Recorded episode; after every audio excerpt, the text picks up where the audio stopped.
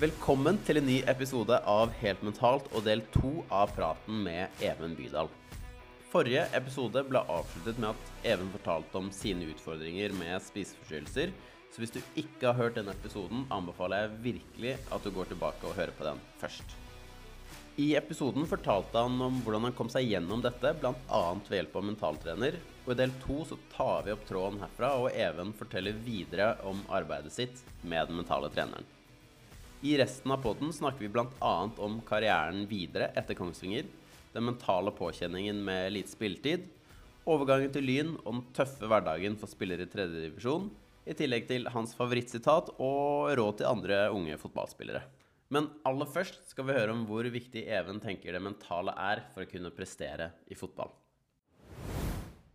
Jeg tror det er, eh, er ekstremt viktig. Jeg tror det på en måte er det som uh, gjør at du Hvis du ikke har det mentale på plass, så tror jeg ikke du vil nå noen av målene dine. Jeg tror uh, du kan være så god du vil på alle de andre aspektene i fotball, men det er til syvende og sist eh, for at du skal kunne prestere under press og på kampdag, da det virkelig gjelder. Ikke bare på trening, ikke bare på egentrening, men på kamp så, det, så må du på en måte være mentalt uh, i vater. Og det er jo litt det man ser, som jeg var inne på i, i fotballen, at flere og flere klubber får mentaltrener og den biten der. Og det tror jeg også er viktig. Jeg skulle gjerne hatt det fra ung alder. En som hjalp meg med litt uh, mentaltrening. Fordi ja, Før så var jeg jo redd for å, redd for å gjøre feil, f.eks. Og spilte derfor mye bakover og sideveis. Hvis jeg da hadde hatt en som kanskje kunne utfordre meg litt på det mentale, og spurt meg litt om Men hva er du redd for? Gjør du dette? Når jeg egentlig på en måte har ferdighetene til å spille fremover. Så ja, du må ha på en måte Kall alle ferdighetene verktøykassa di. Du må ha den på plass, men det hjelper ikke at du har uh, hammeren hvis du ikke vet hvordan du bruker den. Nei, det er det. Så du kan være så talentfull du vil og ha så mye verktøy du vil, men mindset er kanskje den nøkkelen da, for å Ja, ja låse opp verktøykassa, ja. f.eks. Så veldig, veldig viktig å, å ha en kjempe på en måte spennende greie at, at, dette blir mer og mer fokus på, også i fotball. For jeg tror kanskje fotball har hengt litt bak der i hvert fall mitt inntrykk av at det har blitt litt sånn tilsidesatt. Det er siste posten vi ser på. Mentaltrening og mentale trenere. Det bruker vi ikke penger på med mindre vi har litt penger til overs. Før det så skal vi ha en fysisk trener, en analysetrener, en assistenttrener, en hovedtrener. Kanskje en næringsfysiolog også? Yes, kanskje alt dette her. Men for at kanskje dette skal funke, så må vi egentlig ha en mentaltrener fordi det hjelper ikke med at alt er på plass hvis uh, man da får helt panikk på kampdag fordi man er så stressa. Selv om man har spist riktig og sovet godt og trent bra og er i fysisk god form. Ja, man eh, blir kanskje for opptatt igjen av alle disse detaljene, og at man skal spise riktig, man skal sove riktig, og man blir fortalt alle de tingene man skal gjøre. Og så, Ikke at det er nødvendigvis jobben til en mentaltrener, men det å bare få høre det og ja, Men er det så farlig, da? Ja? Mm. Du har jo sovet dårlig og spilt bra før også. Nettopp. Og du har spist Mækkern og spilt bra før. Mm. og liksom, det er Så viktig er ikke alle de Nei, tingene. Det er, det. det er selvfølgelig, Du må spise bra over tid. Ja. Men en natt med dårlig søvn er, Man kan bli veldig stressa da. Yes. Det er det man kan overdrive i sitt eget hode. sånn, Nei, nå, spiller jeg, nå blir kampen dårlig fordi jeg sov dårlig. Ja. Og sånn er det overhodet ikke.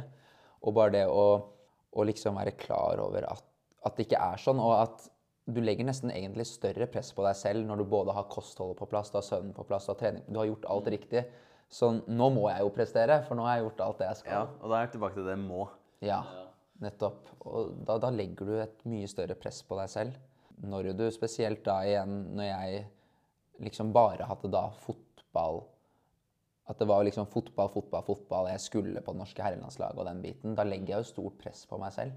Og hvis jeg da ikke har en som kan hjelpe meg med mentaltrening og mentale teknikker og hvordan jeg skal takle dette presset jeg legger på meg selv. Når man er ambisiøs, så legger man jo automatisk større press på seg selv. Og da trenger man kanskje en som hjelper deg med å bruke disse ambisjonene til noe positivt, istedenfor at det blir en sånn tyngde som ligger over deg. Og det er jo det mange sier jo det. Ja, hvor viktig er det mentale? Ja, det er liksom det er 70 uh, Men ja, men trener du 70% på det? Nei, man gjør ikke det. Nei, det er akkurat det. Det er jo blitt utrolig tilsidesatt og uh, altfor lite fokus på det. Men det er heldigvis litt på vei opp, og jeg håper at flere klubber også etter hvert uh, kan, kan bruke det ikke bare på toppnivå, men også litt nedover, både i divisjonene og aldersgruppene. I den perioden du, du slet med spiseforstyrrelser, var det noe konkret du og den mentale treneren jobbet med da? Det startet jo alltid med at hun spurte um, hvordan jeg hadde det, og at vi pratet litt om livet mitt generelt først, og hvordan jeg var på det mentale planet, hvordan jeg følte meg. Og bare det ga meg veldig mye, at jeg følte det var et fristed. Jeg kunne snakke med en, en tredjepart. Det var ikke lagkameraten min, det var ikke mamma eller pappa. Det var liksom en jeg visste ikke skulle si det her til noen andre. Og ja, jeg kunne være veldig åpen. Det var kanskje det aller viktigste av det i starten, når jeg sleit med, med litt mat og sånt. Men også så dro vi det inn på mentale teknikker på banen. Og jeg tok jo masse notater av det her og har mange liksom, ting jeg kan hente opp igjen av mentale teknikker som, som jeg føler jeg bruker når det trengs, mer enn at jeg nå bruker det fast. Men det desidert sterkeste mentale verktøyet som alle egentlig unge fotballspillere bør bruke hvis de har tid, da, det mener jeg er visualisering. Det, det hjalp meg utrolig mye med, med, nerver og ro og føle meg klar til eh, både dagen, men også spesielt kamper. At jeg følte jeg hadde vært i situasjonen før og sett for meg selv lykkes. Og, og jo mer du trener på visualisering, jo bedre blir du jo. Så jeg ble bedre og bedre til å skape gode bilder i hodet mitt. Og nå kan jeg gjøre det av meg selv hvis jeg bare sitter på bussen kanskje på vei til kamp og soner ut i fem minutter. Så blir det en slags visualiseringsøkt. Men da visualiserte jeg ti minutter hver dag. Det gjorde jeg kanskje i fire-fem år. Hver morgen før frokost. For du vil jo da altså Hvis det er en situasjon du sliter med, så er det jo begrenset hvor mange ganger du havner i den situasjonen på trening og får øvd på det, får gode situasjoner. Mens når du visualiserer, så en, du kan forberede deg til hvordan du skal løse den situasjonen når du først havner i den. Men du får jo La oss si du kanskje i løpet av en uke da, får Hvis det er å vende opp som dyp sentral Du får kanskje jeg vet ikke, i løpet av syv dager får kanskje 15 Ja, du får veldig få, vet du. Ja. Så nå kanskje ha 1500 repetisjoner plutselig. da, Det er, ja, ja. drar i, men i hvert fall 100 da, gode repetisjoner. Og det er jo ekstremt. Mm. Uten at den er den fysiske belastninga. Og, og, så, etter trening, så brukte jeg jo treningsdagbok og loggførte oss, liksom reflekterte rundt økta. Og hvis det da var en situasjon som på en måte jeg kom på når jeg skrev treningsdagbok, at fader og at jeg mislykkes på den, så bare tok jeg og visualiserte fem minutter og så for meg den situasjonen på nytt. Men at denne gangen så lyktes jeg. Så det også funka veldig bra. Men er det For det er jo en ting jeg opplever mange gjør, at de, de graver seg veldig ned i enkeltsituasjoner de ikke har fått til. Hvordan er du der? Jeg var veldig sånn. Altså, i en treningsdagbok anbefaler jeg da hvis man sliter med det, fordi da skriver du det ned, du tenker over det. Og når jeg var ferdig med den treningsdagboken, trykket lageret, lukka ned PC-en, så, var, så, hadde jeg en avtale med meg selv at da var jeg ferdig med det. Da skal jeg ikke dvele over den situasjonen noe mer. Da er det historie. Da er det neste økt jeg ser fram til i stedet. Da begynner jeg å tenke fremover igjen. Det er jo veldig fint. da. Jo, mange går jo og gnager på det som på en måte var. og man, man får ikke gjort noe med det. Det eneste man kan liksom, man kan velge å lære av det det er på en måte eneste altså, Eller det beste utfallet av det. da. Mm. Så man går og gnager og bare Nei, hvorfor det, Ja, så mm. kommer man seg ikke videre, da. Nei. Og da er det jo på en måte dobbeltfeil. Yes, det er akkurat det. det er jo, sånn er det jo også på banen. Eh, en del har jo det problemet at hvis de gjør én feil, så, de, så, gjør de to, tre, fire, fem. Og da også er jo mentaltrening og mentale teknikker i forhold til å nullstille og eh, Anne-Helen lærte meg jo noe som kalles ABC. Attention Body Q, tror jeg det står for. Og det var Hvis jeg f.eks. gjorde en feil, så var det bare å raskt få fokus tilbake på meg selv. Eh, puste med magen. Ta et dypt pust. Det var liksom attention og body. Og så Q var kanskje et, en eller annen læresetning eller et ord som jeg byttet på ut fra hva jeg følte var eh, f.eks. råskap. da. Bare et eller annet jeg sa til meg selv for å OK, nå, nå switcher jeg tilbake til uh, neste situasjon. Ja, det er jo, jeg tror det, det handler om å bli bevisst, da. Altså å være klar over hvilke tanker man går inn i. For det er veldig lett å Husker jeg gjorde det selv som spiller. Man går inn i en kamp og trening tenker jeg skal være perfekt. så skjer det en feil etter to minutter. da. Og da, da kan, kan, altså kampen kan ikke være ødelagt etter to minutter. For feil skjer. Det er ingen i verdenshistorien som har spilt en perfekt kamp. ikke sant? Så er det jo OK, feil skjer. Blir jeg stressa av det? Vær bevisst på det. OK, men ro ned. Du skal være rå. Skal være helt rå i duellspillet. OK, men da Arbeidsoppgaver. ikke sant? Sånne ting. Så får du selvtillit av det igjen. Og det også, siden du nevner feil, jeg også, føler jeg også jeg må adressere litt sånn Jeg kunne ønske jeg var flinkere på som ung, spesielt sånn dyp midtbane, der du er litt sårbar hvis du gjør feil. Fordi du er Kanskje er det to stoppere bak deg, mens bekken er høyt og resten er foran deg. Så hvis du mister den, så blir det farlig. Men jeg kunne ønske jeg turte å gjøre mer feil. For jeg har hele livet blitt fortalt at jeg spiller for mye bakover og sideveis. Og det er jo sant. Men kanskje vi burde heller se på, istedenfor å si Even spill mer framover, kanskje prate litt om hvorfor. Jo, det er fordi jeg var redd for å gjøre feil. Og den frykten der, den Altså, det man lærer mest av, er jo ofte å gjøre feil. Så du må tørre å gjøre feil. Jeg tror det er, jeg husker ikke hvilken av disse basketballspillerne, om det er LeBron eller Kobe Bryant, eller noe sånt, men det er noe sånn Jeg har bommet eh, flere ganger enn de fleste har prøvd, eller noe sånt. eh. Ja, han har eh, gjort så og så mange feil, bomma på så og så mange straffer og blitt Han hadde liksom skulle ta det avgjørende skuddet, da. ja, Ja, og, Og så, og derfor har han blitt så god, da. Og det er litt det å, ha mer lyst til å få til enn man er redd for å gjøre feil. Jeg kjenner meg også veldig igjen i det. da. Det er en sånn klassiker at man får høye skuldre blir redd for å gjøre den feilen. da. Og istedenfor å bare gjøre det naturlig, så blir det de høye skuldrene, og så kommer den feilen uansett. Så ja.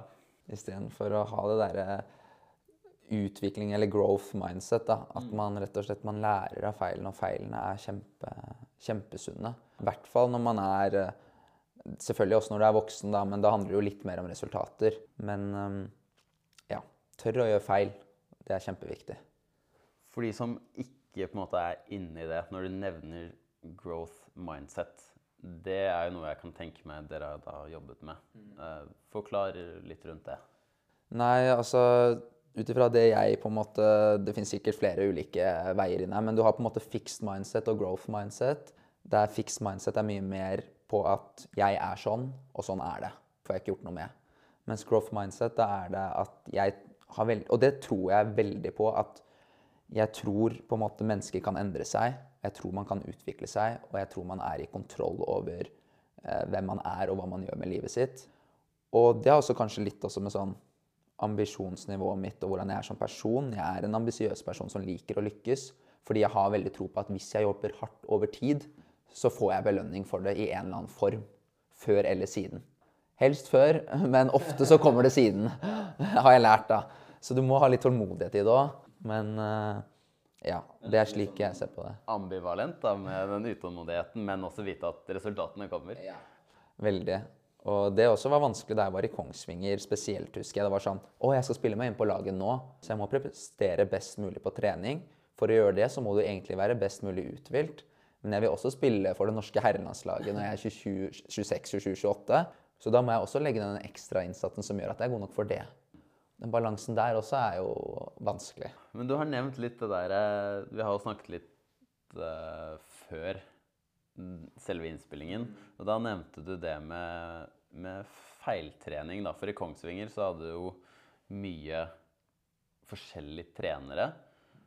Og du fortalte litt om det å trene på styrker kontra svakheter. Har du lyst til å fortelle litt om det? Ja, at jeg har brukt veldig mye tid opp igjennom etter at jeg på en måte ble A-lagsspiller, å trene på svakhetene mine i form av da hurtighet spesielt, eh, rett fram, eller bare ja, topphastighet, og, eh, og styrke eller fysikk. Og ser jeg tilbake på det, så kunne jeg ønske at jeg brukte mer tid på å dyrke styrkene mine i stedet, fordi jeg er 1,77 og ja, nå har jeg fixed mindset, da. Jeg får ikke gjort noe med høyden min. Akkurat den. ja, akkurat den får jeg ikke gjort noe med. Eh, 1,77, 1,78, hva nå enn det er. Jeg liker å si 1,78, faktisk. 1,80 på god dag. ja, 1,80 på en god dag. Ja, men i hvert fall, jeg er den høyden. Og det har jo hvor sterk og rask man blir også, har mye med gener å gjøre. Selvfølgelig, du kan trene deg opp mye, men det har også mye med gener å gjøre. Så jeg kommer aldri til å bli ja, Mbappé i hurtighet eller van Dijk i styrke. Det kommer jeg ikke til å bli. Og da kunne jeg ønske at jeg heller tenkte at OK, det, det blir jeg ikke. Selvfølgelig, jeg skal jobbe med det. Men det viktigste for meg er at jeg blir helt rå på det jeg er god på. Og det er med ballen. At jeg er en helt rå ballspiller. Litt sånn Tiago Alcantara med ball. Bare sånn magiker. Ikke sant? Utrolig deilig spiller å se på. For et touch og for noen pasninger og Ja, jeg kunne ønske jeg jobbet mer um, Enda mer med styrker. At det var hovedfokuset mitt. Istedenfor at hovedfokuset var jeg skal bli bedre på svakhetene mens jeg jobber litt med styrkene. Så burde jeg heller snudd om på det og dyrket styrkene enda mer. Det, Hvis vi tar det tilbake da, kanskje til Kevin Nicol og Stabæk Akademi og alt sånn, er, trenere kanskje generelt, er det, hvordan er din opplevelse av det? At, er det forskjell på trenere der i hvordan de ser på det? Sånn Jeg vil at du skal utvikle styrkene dine, eller jeg vil at du skal bli bedre på dette. Ja. Veldig, veldig forskjellig. Men jeg har stort sett da blitt fortalt at jeg skal eh, bli sterkere og raskere. Det er stort sett den jeg har fått. Fordi de har aldri sagt De har jo sett på meg som en teknisk liten spiller egentlig opp igjennom hele veien. Og bare tenkt liksom Det er i orden. Så jeg kunne ønske at, mye, at flere sa til meg da at men dette er det du er god på, dette er det du skal bli best på.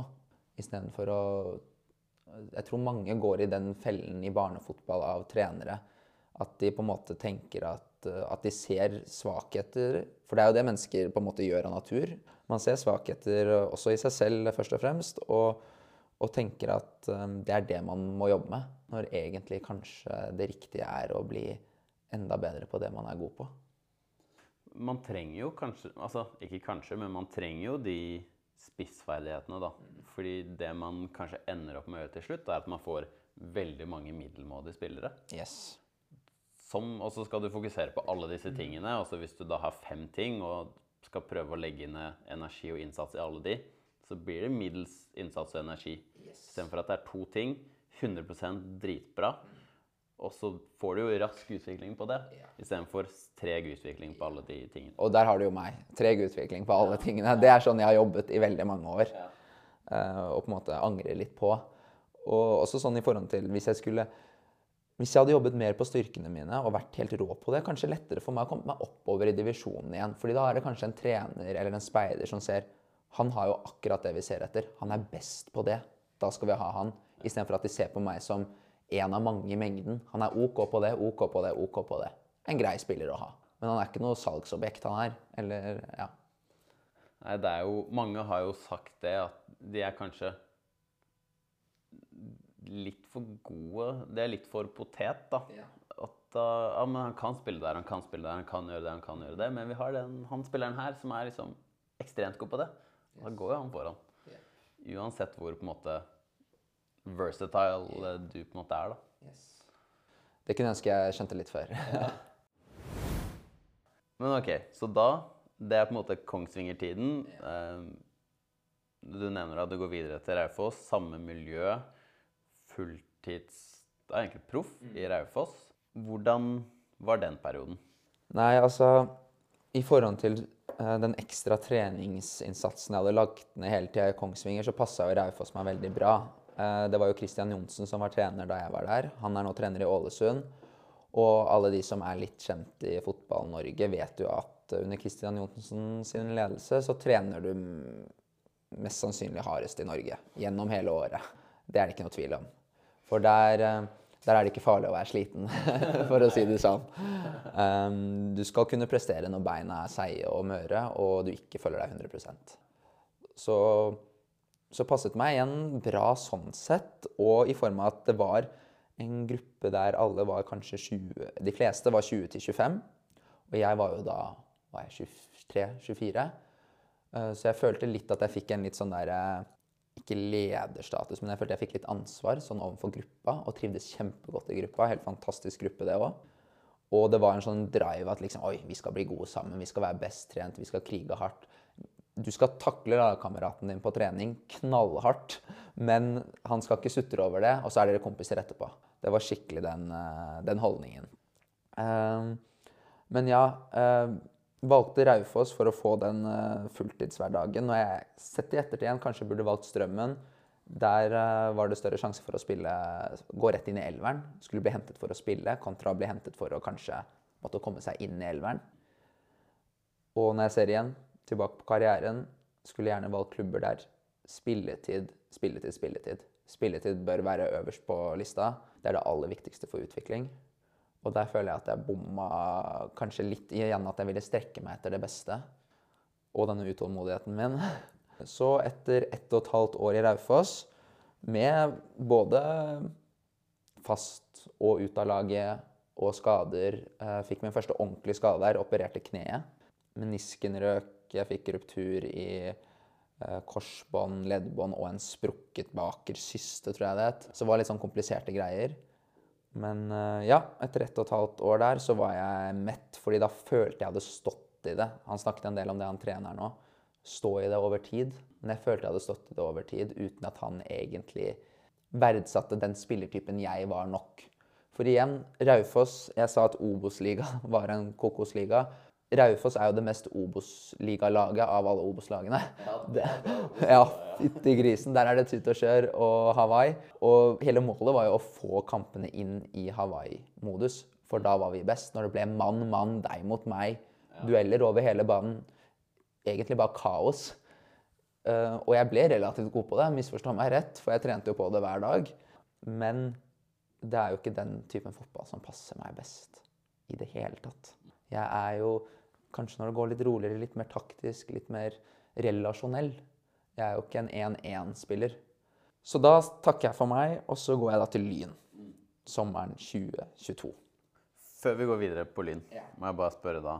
eh, Den skaden, første ordentlige skade, hvordan var det?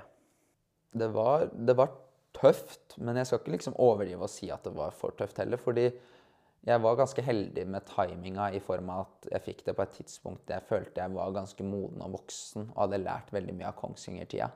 Så jeg følte mer sånn OK, nå kommer jeg tilbake. Og det som er litt morsomt, som jeg må si, da, da jo, ble jo også lagkameraten min som jeg bodde med, Edvard Race, han ble også skada på samme tidspunkt. Så vi bodde sammen og trente som F sammen i gymmen. Jeg har aldri trent så mye nesten som jeg gjorde da jeg var skada. Det var to økter hver dag og fullt kjør. Mandag til fredag. Og vi trente så hardt sammen, og det ble liksom vår greie, da. Ja, Så ikke, du ble liksom ikke alene Nei. i det? Og det er jo det mange blir. Og, og det er klart, jeg ble jo lei av det styrkerommet og de mørke veggene etter hvert. Ja, styrkerommet blir litt lysere. Litt mer Ja, det må det. Ofte er det en eller annen kjeller uten vinduer. I hvert fall de stedene jeg har vært.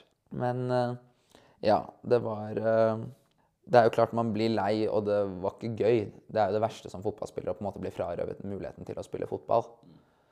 Men eh, det gikk, gikk overraskende bra, fordi jeg var litt heldig med timinga. Og at jeg hadde Igjen var jo en fulltidsproffklubb, så det var mange Og mange ville bli bedre. Så jeg så jo folk av spillerne på gymmen hele tida. Enten om det var eh, folk som var skada, men også på ettermiddagen når de var ferdig med fotballøkten. Kontra hvis jeg da hadde vært i en mindre fulltidsproffklubb. Ja, Hvor du kom på treningstidspunktet, og så var de andre på banen, og da var de andre Eller du var i gymmen. da. Ja. Stemmer. Så det var liksom, jeg var fortsatt en veldig en del av miljøet.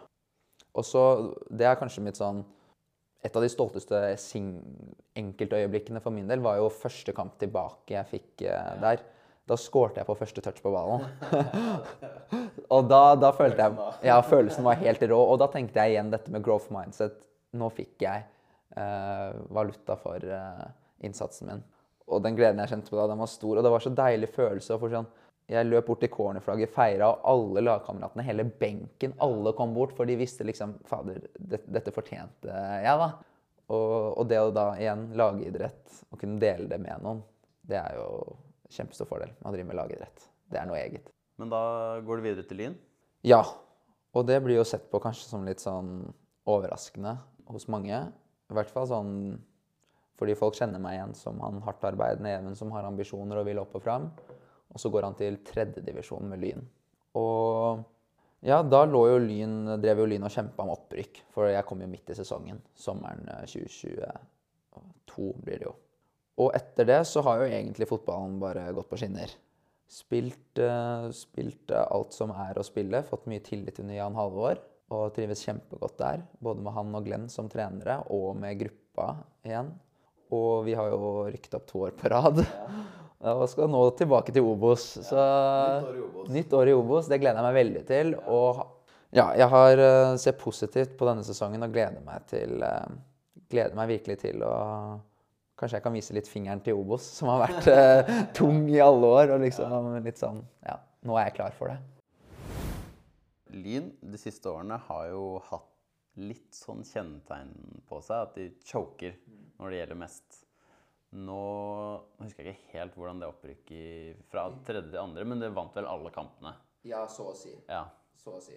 Ikke helt. Eller ja, det gikk ubeseira, mener jeg. Ja, det, det, ja. og så var det jo én spesielt. Det var Nordstrand vi kriga med. Så det var en avgjørende kamp der på høsten der man potensielt sett kunne choka litt, men vant vel Jeg husker ikke om det var 4-1 eller 4-0. Og så har du da ligget i toppen sammen med Egersund da i fjor. Ekstremt jevnt, og dere har hatt en helt sinnssyk sesong. Hvordan er det da når dere ser da dette andre laget også har en helt sinnssyk sesong? Eh, Det er jo klart det er litt sånn der, fader Når man går inn og sjekker eh, flashscore eller eh, stillinga på fotball.no eller noe etter kampen, du har akkurat vunnet, og så er det sånn Fader, Egersund vant igjen, de. Da må vi Stakk ikke ifra denne gangen heller. Ja, hvordan er det? Det er jo litt sånn dritt følelse, men um, også sånn OK, da Vi har ikke noe annet valg. Da må vi bare kjøre på igjen neste uke. Og så tenker man bare Vi blir kvitt dem før eller siden.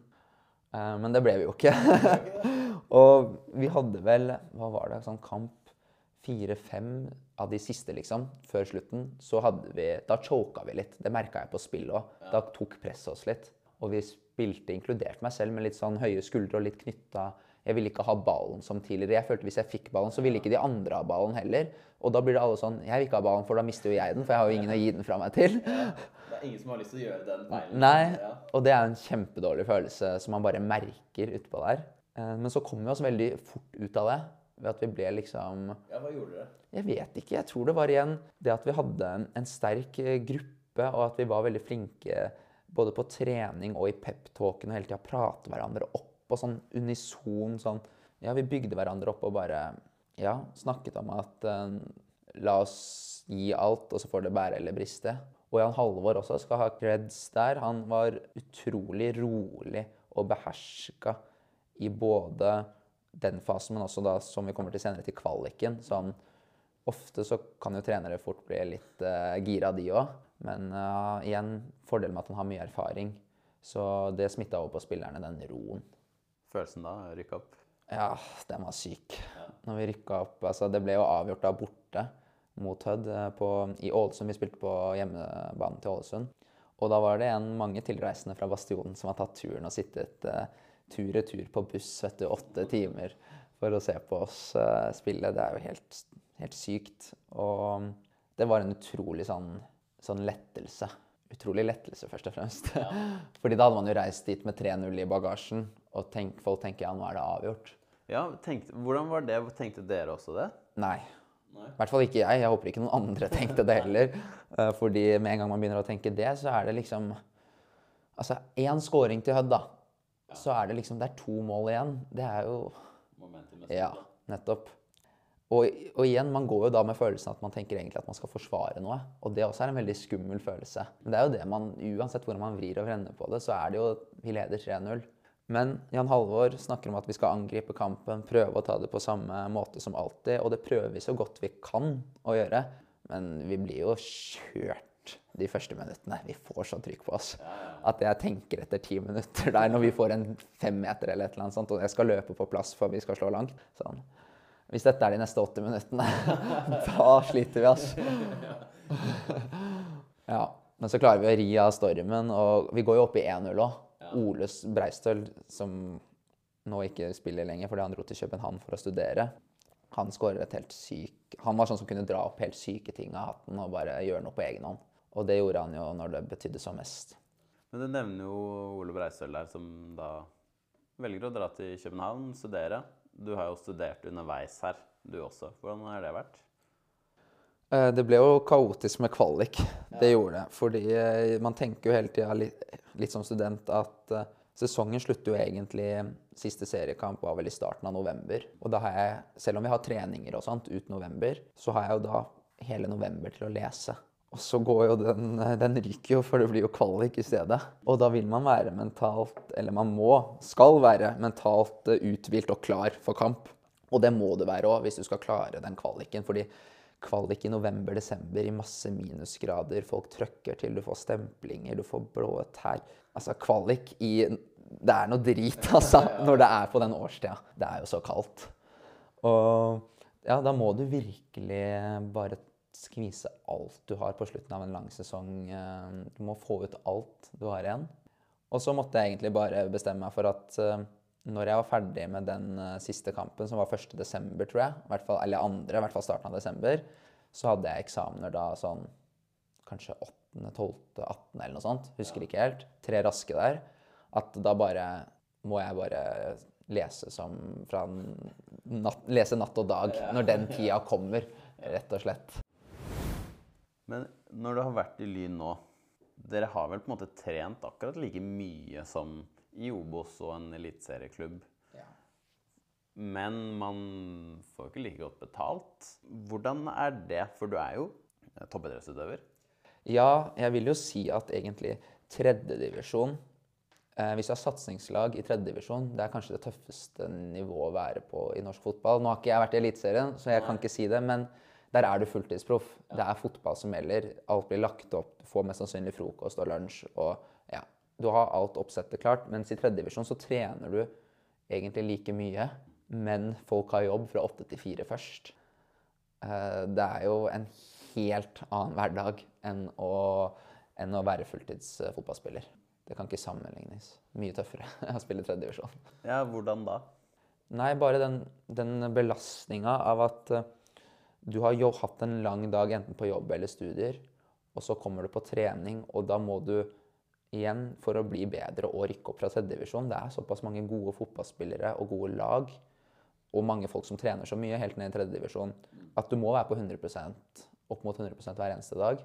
Og da må det hver eneste dag liksom, Trening blir jo da igjen OK, nå må jeg nullstille fra det jeg har gjort på skolen eller på jobb. Litt sliten fra det. Og så må man opp igjen nullstille. Mobilisere noe hver eneste dag? Ja. Og så kommer du hjem syv-åtte, lager middag. Kanskje du må preppe litt mat til dagen etter, for du har ikke råd til å kjøpe deg lunsj. Og det er ikke sunt nok heller, kanskje, de raske alternativene. Og så er det rett i seng. Så den hverdagen er jo mye tøffere, egentlig, enn det å være fulltids uh, fotballspiller. ja, Så skal du ha et liv i tillegg. Du nevnte ikke sant, du har kjæreste, og det skal jo Ja, ja, det var ikke bare bare det. Veldig forståelsesfull. da. ja, ja, ja. Men nei, det er klart at det blir vanskelig da å finne litt eh, kval kall det kvalitetstid med, med både venner og kjæreste og familie. Så du føler jo litt også da kanskje at eh, du ikke helt strekker til. Det er jo ikke for alle. Nei, eh, jeg tror det er en grunn til at eh, på en måte En ting er at det er mye dårligere baner også i tredjedivisjon enn det er i Eliteserien og Obos, men man ser jo at folk legger opp mye tidligere. Det er slitasje på kropp og hode òg, da. Ja, det er det. Det er en, det er en hverdag som ikke er eh, bærekraftig over lang tid, egentlig. At du holder på egentlig tolvtimersdager, inkludert én til to treninger eh, i løpet av den tida. Det er slitsomt. Bare det at vi nå trener tre, oppmøte halv tre, eh, og at man da er hjemme fem istedenfor syv-åtte, som vi var i andre og tredje divisjon, det er jo Det også er natt og dag, for da har du litt kveldstid og kan slappe litt av. Men nå har vi jo vært gjennom hele karrieren din. Ja. Og så har du nevnt den tiden i Kongsvinger og litt Stabæk. Men hva er det et sånn punkt som har vært liksom det vanskeligste som du ser tilbake på i karrieren din? Det vanskeligste var nok uh, eh, Kongsvinger-tida. Det var da jeg hadde det tyngst i mine egne tanker i starten av 2018, der jeg liksom trodde igjen at ting skulle bare at pila bare skulle peke oppover. At nå var det neste nivå. Nå var jeg ferdig med andredivisjon. Nå var det Obos. Nå var det fulltidsproff. Nå skal jeg spille, nå skal jeg utvikle meg. Og så flytter jeg hjemmefra, går på en smell med mat og ikke spiller. De tre der sammen ble ganske heavy for meg. Men vokste ekstremt mye når jeg på en måte kom ut kall det frisk av det, og lærte av det, så er det en kjempefin livserfaring å ha med videre i livet, uansett om det er fotball eller i hverdagen eller jobblivet eller studier. Eh, Det lengste jeg var nede, var nok da Eller lengste jeg var det nærmeste jeg var å slutte, kall det det. eh, Selv om det på en måte aldri var noe jeg aldri kunne ha gjort, egentlig. Men det var sommeren 2018, da jeg hadde sommerferie der. Og igjen, mamma og pappa er jo ikke fra noen fotballfamilie. Og jeg har jo alltid vært pliktoppfyllende og ganske skoleflink. Så de ser jo at fotballen ikke gir meg eh, no, nok tilbake i forhold til hva jeg føler jeg investerer i det. Og ser at jeg egentlig har det vanskelig. Og de ser jo at jeg har rast ned i vekt. De ser liksom, Selv om jeg sier at jeg har det bra, så ser de kanskje liksom at jeg har det tøft. For de kjenner meg jo tross alt ganske godt. um, og så Da sier de jo til meg sånn Even, hvorfor gidder du det her? Hvorfor holder du på med det her? Det er det nærmeste jeg på en måte har vært å finne på å slutte. Men det var jo også sånn at Altså, jeg var jo ung, er i et lag i Obos-ligaen, er fulltids fotballspiller. Det er klart jeg skal kjøre på videre. Men jeg husker jeg gråt når jeg satte meg i bilen og skulle tilbake til Kongsvinger, den kjøreturen eh, da, liksom. Fordi da var ferien over, og nå var det tilbake til Da kom liksom litt de følelsene tilbake. At det var et sted jeg hadde det tøft. Mm. Hvilke følelser var det du kjente på da? Eh, sikkert litt den der eh, ensomheten. Selv om igjen, man har flotte folk rundt seg, og hele den biten, men man fortsatt føler på den ensomheten når det er vanskelig. Ja, Man er ikke alene, men man, er, man, kan jo være ensom Ja. likevel. Og spesielt da på kvelden. Man har mye tid også, som når du er fulltidsfotballspiller, så er det liksom treninger og avslapning. Og selv om jeg hadde nettstudier da hele veien ved siden av, så er det mange timer som kan gå til at du bare sitter og stirrer i veggen og tenker mye. Og, og det er jo tøft igjen når man har det vanskelig, for da blir det rom for de mørke tankene. Ja, Var det noe spesielt du tenkte da? Var det, hva, hvor mørkt på en måte var det? Nei, det var aldri Det var egentlig bare sånn mørkt i form av eh, at fotballen At liksom Fader, jeg har så store drømmer. Fotballen er livet mitt, og det går ikke min vei. Det var liksom For da hadde jeg hadde ikke kjæreste på den tiden. Jeg flyttet eh, hjemmefra. Vennene var lenger unna. Det var liksom fotballen. Det var all in på fotballen. Det var liksom min første an Det var på førsteplass, andreplass og tredjeplass. Det var fotball, fotball, fotball. Og når det da går eh, dårlig, så, så er jo det jækla kjipt.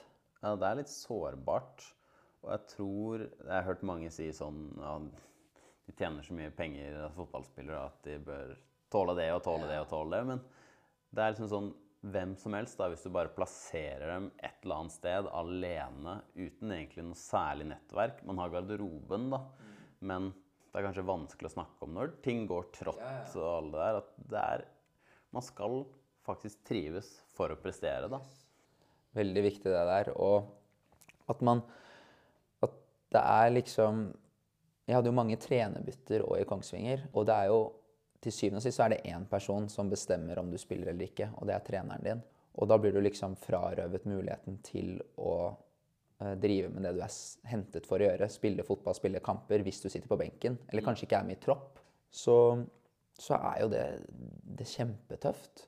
Det er jo utrolig kjipt. Du sa jo det i sted at på en måte, spilletid er det viktigste. Men jeg tenker jo ofte at treningshverdagen er viktig, da. Men så er det jo sånn Hvis man hvis jeg relaterer det til det her, da. En vanlig arbeidsplass. Hvis du driver med økonomi, da, lager et Excel-ark. Det å trene og så ikke få spille, det blir jo liksom at du setter opp et veldig fint budsjett, men du sender det ikke inn. Du får det, ja, det er bare sånn Ja, men da fikk du trent på det. Fint. Da kan du, da kan du Da får du øvd på det, og så er det liksom ikke noe Det er jo en bedriten følelse. Du sitter der og føler Ja, du føler jo ikke på mestring da. Du føler deg satt på sidelinjen, for det er jo, det er jo faktisk det du har gjort. Og jeg tror ikke alle helt eh, Kanskje de som ikke har fotballbakgrunn eller idrettsbakgrunn fra lagidrett, eller kanskje bare har hatt det opp til de ble junior eller noe sånt. Det er vanskelig å sette seg inn i hvordan, hvordan det faktisk føles. Fordi eh, det var fin sånn sammenligning. Det er jo, det er jo en merkelig situasjon å være i, egentlig. At, at du på en måte lager dette Excel-arket og jobber skikkelig hardt med det, men så sier sjefen din bare 'Jeg vil ikke se på det. Kast det'. Ja, eller noen andre har laget et bedre Excel-ark, så vi tar det. Vi tar det i stedet. Du føler deg jo litt liten da. Ja, det er, du legger jo ned samme innsats. Yes. Og så prøver du igjen det neste uke. Så får du samme beskjed. Prøver igjen neste uke, får samme beskjed. Og hvor lenge klarer du å gjøre det eh, uten at du får avkastning eller Ja. får sendt inn et Excel-ark? Ja, Selv når du kanskje ditt ark er bedre, du føler det selv. Yes. Fordi det ikke er svart på hvitt hvem sitt Excel-ark som er best. Du er jo en veldig positiv person. veldig reflektert. Hva er på en måte høydepunktet, da? Hva er det fineste du tar med deg fra karrieren? Kanskje ikke sånn ja, Opprykket er jo åpenbart veldig fint, men og det målet som du nevner, men er det noe annet som er sånn som du sitter igjen med? Ja, fordi hvis man tenker enkeltøyeblikk, så er det åpenbart eh, opprykk med Asker og Tomelyn.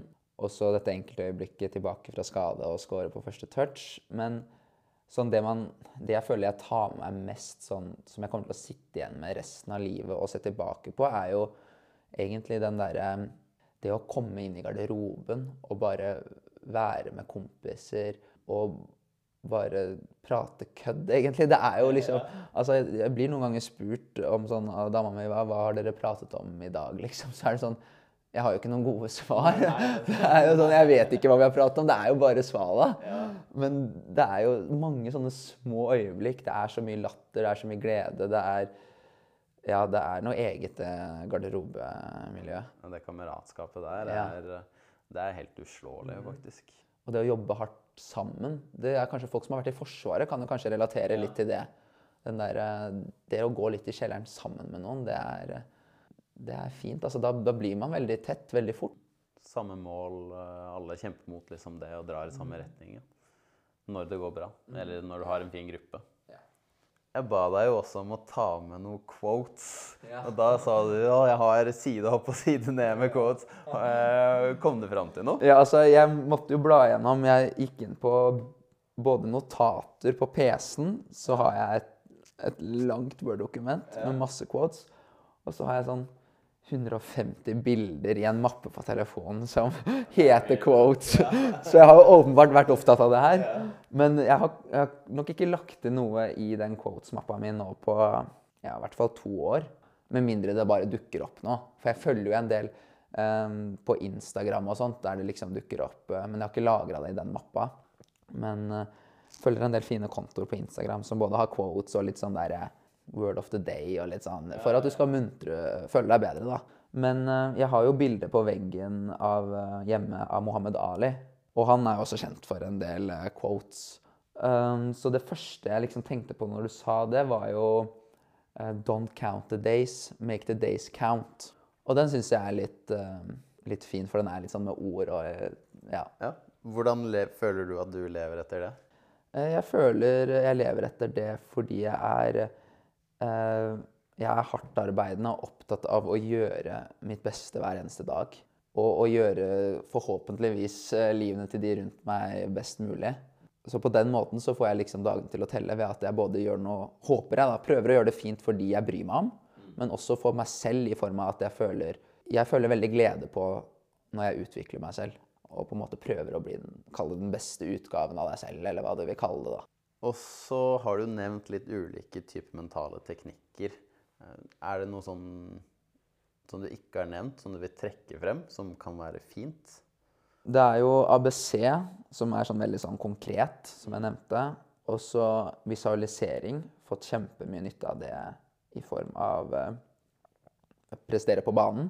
Men sånn kanskje utenfor igjen, hvis jeg liksom bare har det vanskelig med meg selv, så har jeg brukt en del meditasjon. Det har jeg gjort, faktisk. Og pusteteknikker. Ja, hvordan, hva slags Bare sånn eh, Det kan være alt fra at man setter på en video eller en lydfyll i en app. At man har et medlemskap i Balance, f.eks., som jeg har brukt litt.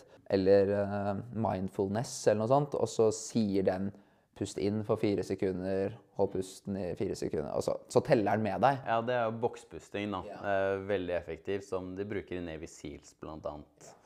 Og det, det syns jeg For noen det høres jo litt sånn der, For noen er det kanskje at det her er bare tull. eh, Og, og sånt. Men for meg så, så føler jeg meg veldig mye lettere etter jeg er ferdig med det. I hvert fall hvis jeg har mye jeg tenker på. Så bare jobber jeg med at nå skal jeg bare tenke på pusten. Og så etter fem, ti minutter, tre minutter, hva nå enn du føler for, så bare er det sånn Det var digg. I Asker begynte vi også med yoga. Så det også har jeg gjort det har jeg gjort mange ganger opp igjennom. Da også jobber man jo med pusten mens man står kanskje i litt ubehagelige og vanskelige posisjoner. Det også er en veldig fin sånn kombinasjon av både det fysiske og mentale, føler jeg. Og til slutt, da. eh, Har du et tips som du gjerne ville gitt til andre unge, eller kanskje til deg selv da du var yngre? Ja, til meg selv så er det jo Jeg har jo da Kanskje andre føler på motsatt, men jeg har valgt treningshverdag overfor spilletid. Kunne ønske at jeg gjorde motsatt. Når jeg ser tilbake på min karriere, at førstepri var velge en klubb der du får signaler om at her skal du i utgangspunktet spille. Ingen kan love deg spilletid, men du er hentet for at du skal inn og dekke den posisjonen. Istedenfor at du får beskjed om at liksom, ja, du skal inn, men han spiller der, han spiller der. Så det er liksom til meg selv, men sånn til andre fotballspillere så er det bare, som jeg sa, ha det gøy og tren masse. Eh, dra på Løkka med venner og alene, ha masse egentrening. Og ha det gøy mens du gjør det. Det tror jeg er liksom Ja, det tror jeg er nøkkelen. Ja, litt mindre strukturert, rett og slett. Ja, eh, fordi det tar jo litt bort den der driven igjen og indre motivasjonen. Og kan ta også bort eh, gleden, som eh, du sa, Eivind sa dette med at det kan bli litt for seriøst for tidlig. Pass på at du ikke mister den, den, den gleden og den leken. For den, den tror jeg Det sier jo folk, de som har blitt aller best, at den, er liksom, den har vært avgjørende for deres eh, utvikling. Ja, og det skal jo tross alt være gøy, det vi holder på med. Det er det. Eh, Prøve å ufarliggjøre det litt. Ja, men supert. Tusen, uh, tusen takk for praten. Og så er det bare å ønske masse lykke til i sjette sesongen da i Obos med Lyn. Det blir utrolig spennende å følge med både deg og, og Lyn, og se hva dere klarer å utrette der. Det var hele praten med Even Bydal. Det ble nok en lang prat, men det er utrolig interessant å prate med Even. Og jeg håper dere har satt like stor pris på refleksjonene og tankene hans som meg. Så igjen, tusen takk for at eh, du har hørt helt hit. Som alltid så håper jeg så mange som mulig kan like og abonnere på podden, og gi den en god rating hvis dere liker innholdet. I neste episode kommer landslagsløper Jakob Potera, som bl.a. forteller om veien sin mot OL i Paris i 2024. I tillegg kommer andre gjester, sånn som tidligere alpinist Patrick Weisten, og eliteseriespillere som Sondre Solholm Johansen og Markus Menert. Så følg med videre for flere gode prater.